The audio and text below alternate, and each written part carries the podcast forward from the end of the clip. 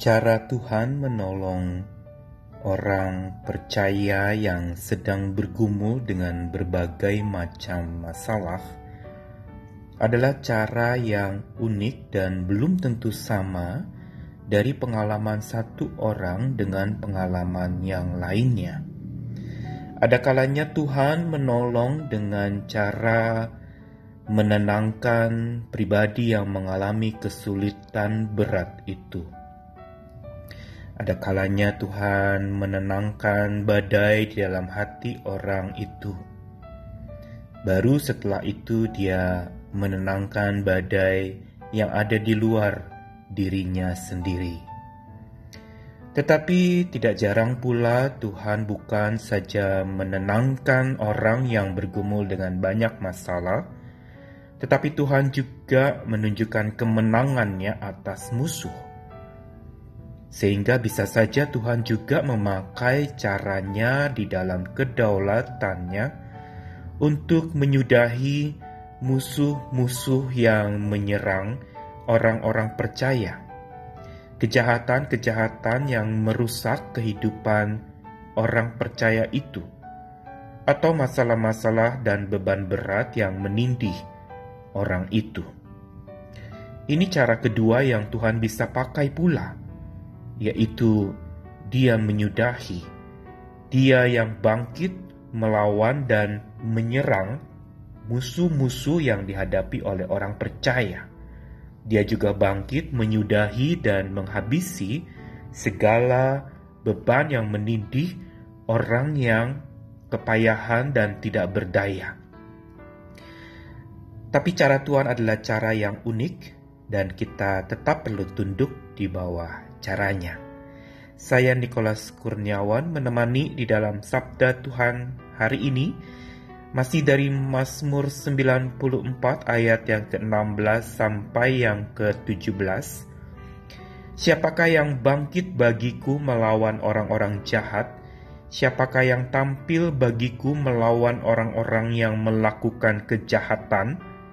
Jika bukan Tuhan yang menolong aku, nyaris aku diam di tempat sunyi.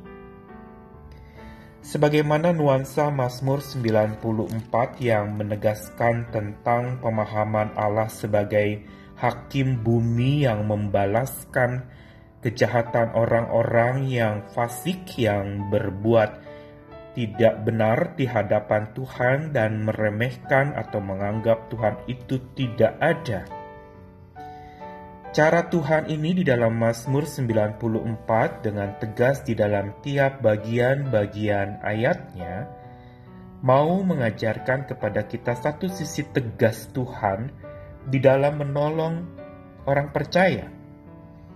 Sebagaimana Tuhan menolong tidak melulu dengan menenangkan atau membuat kita bisa siap menghadapi masalah, tetapi juga Tuhan bisa menolong dengan menyudahi atau menghabisi masalah itu. Dan inilah yang menunjukkan akan kepiawaian dan kedaulatan Allah sebagai Sang Maha Penolong itu. Sehingga pemazmur di sini dengan satu keyakinan bertanya dengan lantang siapa yang bangkit bagiku melawan orang jahat dan siapa yang tampil bagiku melawan orang-orang yang melakukan kejahatan. Bangkit dan tampil, inilah sebenarnya sosok Tuhan yang dinantikan oleh pemazmur. Dan ini menjadi sebuah keyakinannya, yaitu keyakinan bahwa kalau bukan Tuhan yang menolongnya, maka dia akan ada di tempat yang sunyi. Kata tempat sunyi ini digunakan dalam bahasa Ibrani Dumah atau berkaitan dengan satu kata lain damah yang artinya adalah sebuah tempat sunyi kematian, bukan sekedar sunyi tanpa suara, tapi sebuah sunyi kegelapan yang pekat yang penuh dengan kebinasaan. Sehingga dengan sebuah keyakinan, pemazmur mengatakan hanya Tuhan sajalah yang dapat menolongku kalau bukan Tuhan yang tolong, maka aku akan ada di lembah kematian itu. Aku akan binasa. Mazmur hari ini, bagian ayat 16 sampai 17 ingin mengajarkan kepada kita untuk juga menyandarkan hidup kita kepada kuasa Tuhan yang punya cara yang ajaib untuk mengatasi musuh-musuh dan segala kendala di dalam kehidupan kita.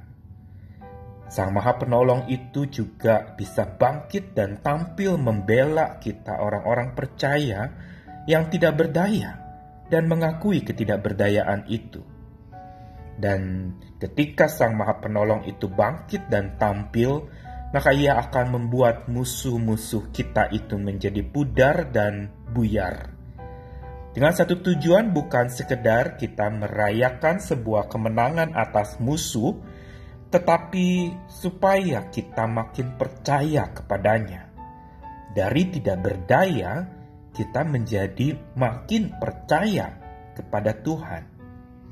Karenanya ketidakberdayaan kita sering kali justru dipakai oleh Tuhan menjadi jalan atau kendaraan agar kita makin mempercayakan hidup kepadanya.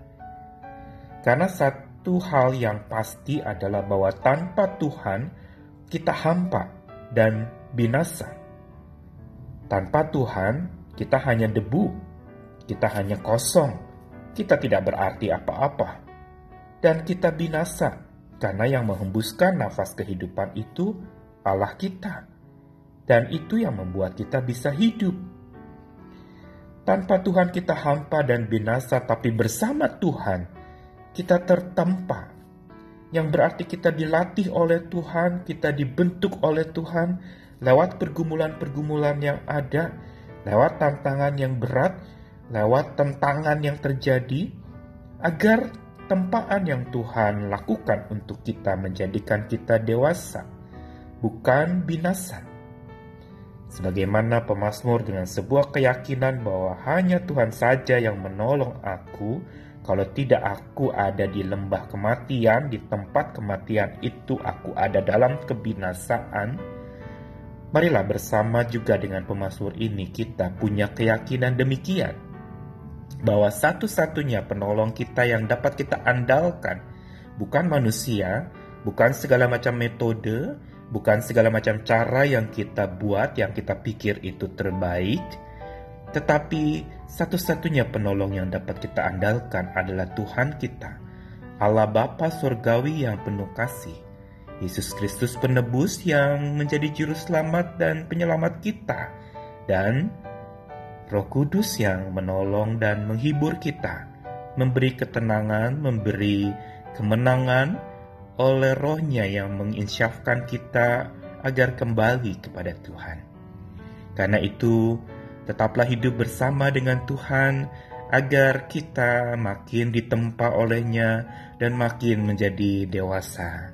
Karena tanpa Tuhan kita hampa dan binasa, bersama Tuhan kita tertempa dan jadi dewasa. Selamat ditempa dan didewasakan oleh Tuhan kita melalui segala macam pergumulan hidup kita. Amin.